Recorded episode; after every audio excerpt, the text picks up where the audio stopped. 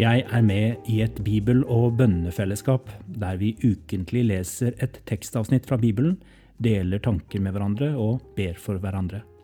Sist gang dukket vi ned i en av de ganske forunderlige fortellingene i apostlenes gjerninger.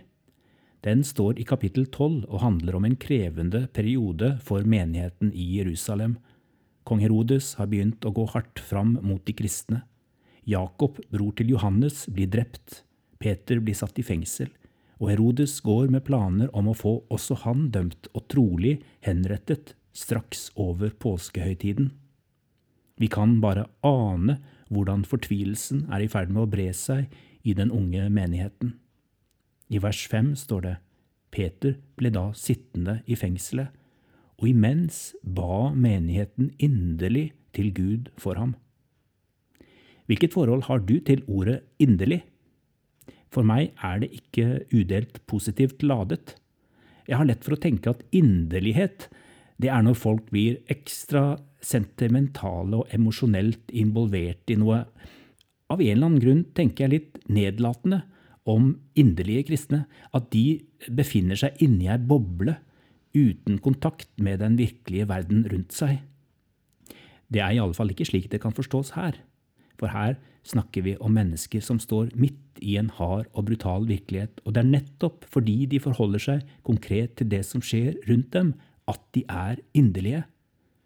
I gruppa jeg var i denne uka, var vi enige om at ordet for å være inderlig er beslektet med det å være brennende, helhjertet, nesten desperat.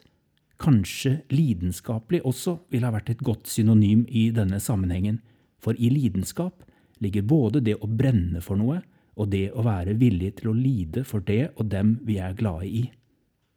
Peter ble da sittende i fengselet, og imens ba menigheten inderlig, brennende, helhjertet, desperat og lidenskapelig til Gud for ham.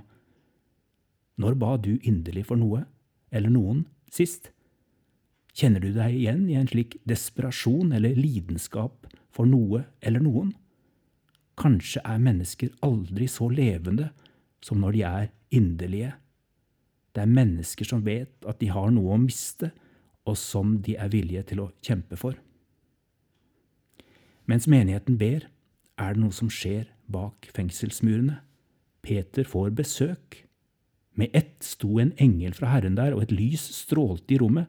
Han vekket Peter med et puff i siden og sa, Skynd deg, stå opp! Med det samme falt lenkene av hendene hans. I Asbury, Kentucky i USA fortelles det om at det har vært en vekkelse blant unge mennesker. At noe skulle skje, er det noen som har bedt om lenge, men at det nå skjedde, og måten det skjedde på, var tilsynelatende veldig uventet. En vekkelse er akkurat det ordet sier. Noen vekkes av en søvn. Alt som skjer de neste minuttene med Peter der i fengselet, er styrt av krefter utenfor ham selv. Først at han vekkes av søvnen, så at en engel fører ham ut av fengselsmurene. De passerte første og annen vakt og kom til jernporten som førte ut til byen. Den åpnet seg av seg selv, står det, bare for å understreke hvor lite Peter gjør annet enn å gå på engelens ord. Hvor fristende er det ikke å forsøke å hjelpe Gud litt? Å bli litt ivrig når endringer endelig begynner å skje? Nå gjelder det om å utnytte situasjonen og få mest mulig til å skje, kan vi tenke. Men kanskje er det lettere når det er slik som i tilfellet med Peter, enten det dreier seg om en sykdom, en krisesituasjon på jobb eller i menighet, en, en eller annen fastlåst situasjon, når vi forstår at det ikke er noe vi menneskelig sett kan gjøre. Vi bare må overgi oss til en større kraft.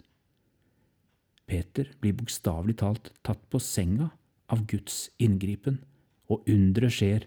Jernporten åpnet seg av seg selv. Dette uventede i at Peter slipper ut av fengselet midt på natten, midt under påskehøytiden, understrekes av den nesten komiske situasjonen som oppstår da han kommer til huset der noen av de kristne er samlet. Tjenestejenta Rode kjenner igjen Peters stemme på utsiden. Hun blir så forfjamset av glede at hun glemmer å åpne døra og springer isteden inn til de andre. Peter står utenfor, roper hun. Imens fortsatte Peter å banke, står det. Her har Peter først blitt ført ut av fengselet, og etterpå byens tunge jernport på mirakuløst vis, og så er det utenfor døra til sine egne venner han må stå og banke og vente fordi Rode glemmer seg bort. Jeg tror Lukas må ha hatt det litt moro da han gjenga dette pussige og paradoksale øyeblikket. Jeg kjenner ikke noen som har opplevd at fengselsdører åpnet seg på mirakuløst vis, men jeg har hørt ganske mange historier om mennesker som blir satt i frihet av Jesus, og det som har skjedd før, underveis og etterpå, kan minne om denne historien fra apostlenes gjerninger. Noen mennesker har kjent på en desperat og inderlig lengsel. De har båret denne desperasjonen til Gud, kanskje over lang tid, men like kjennetegnende som desperasjonen er avmakten. Det er når mennesker ikke har noe å bidra med selv, at de roper av desperasjon til Gud. Og når gjennombruddet kommer, da er det sjelden av spesielle metoder eller kalkulerte strategier.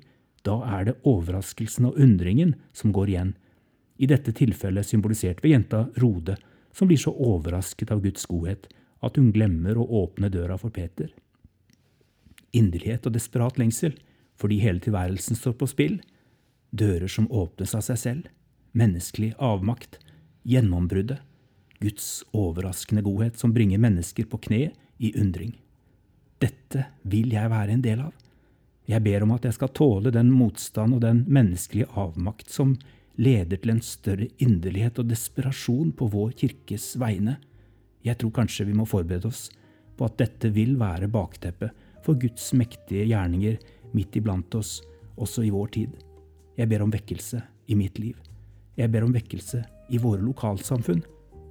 Herre, la viljen din skje på jorden, slik som i himmelen.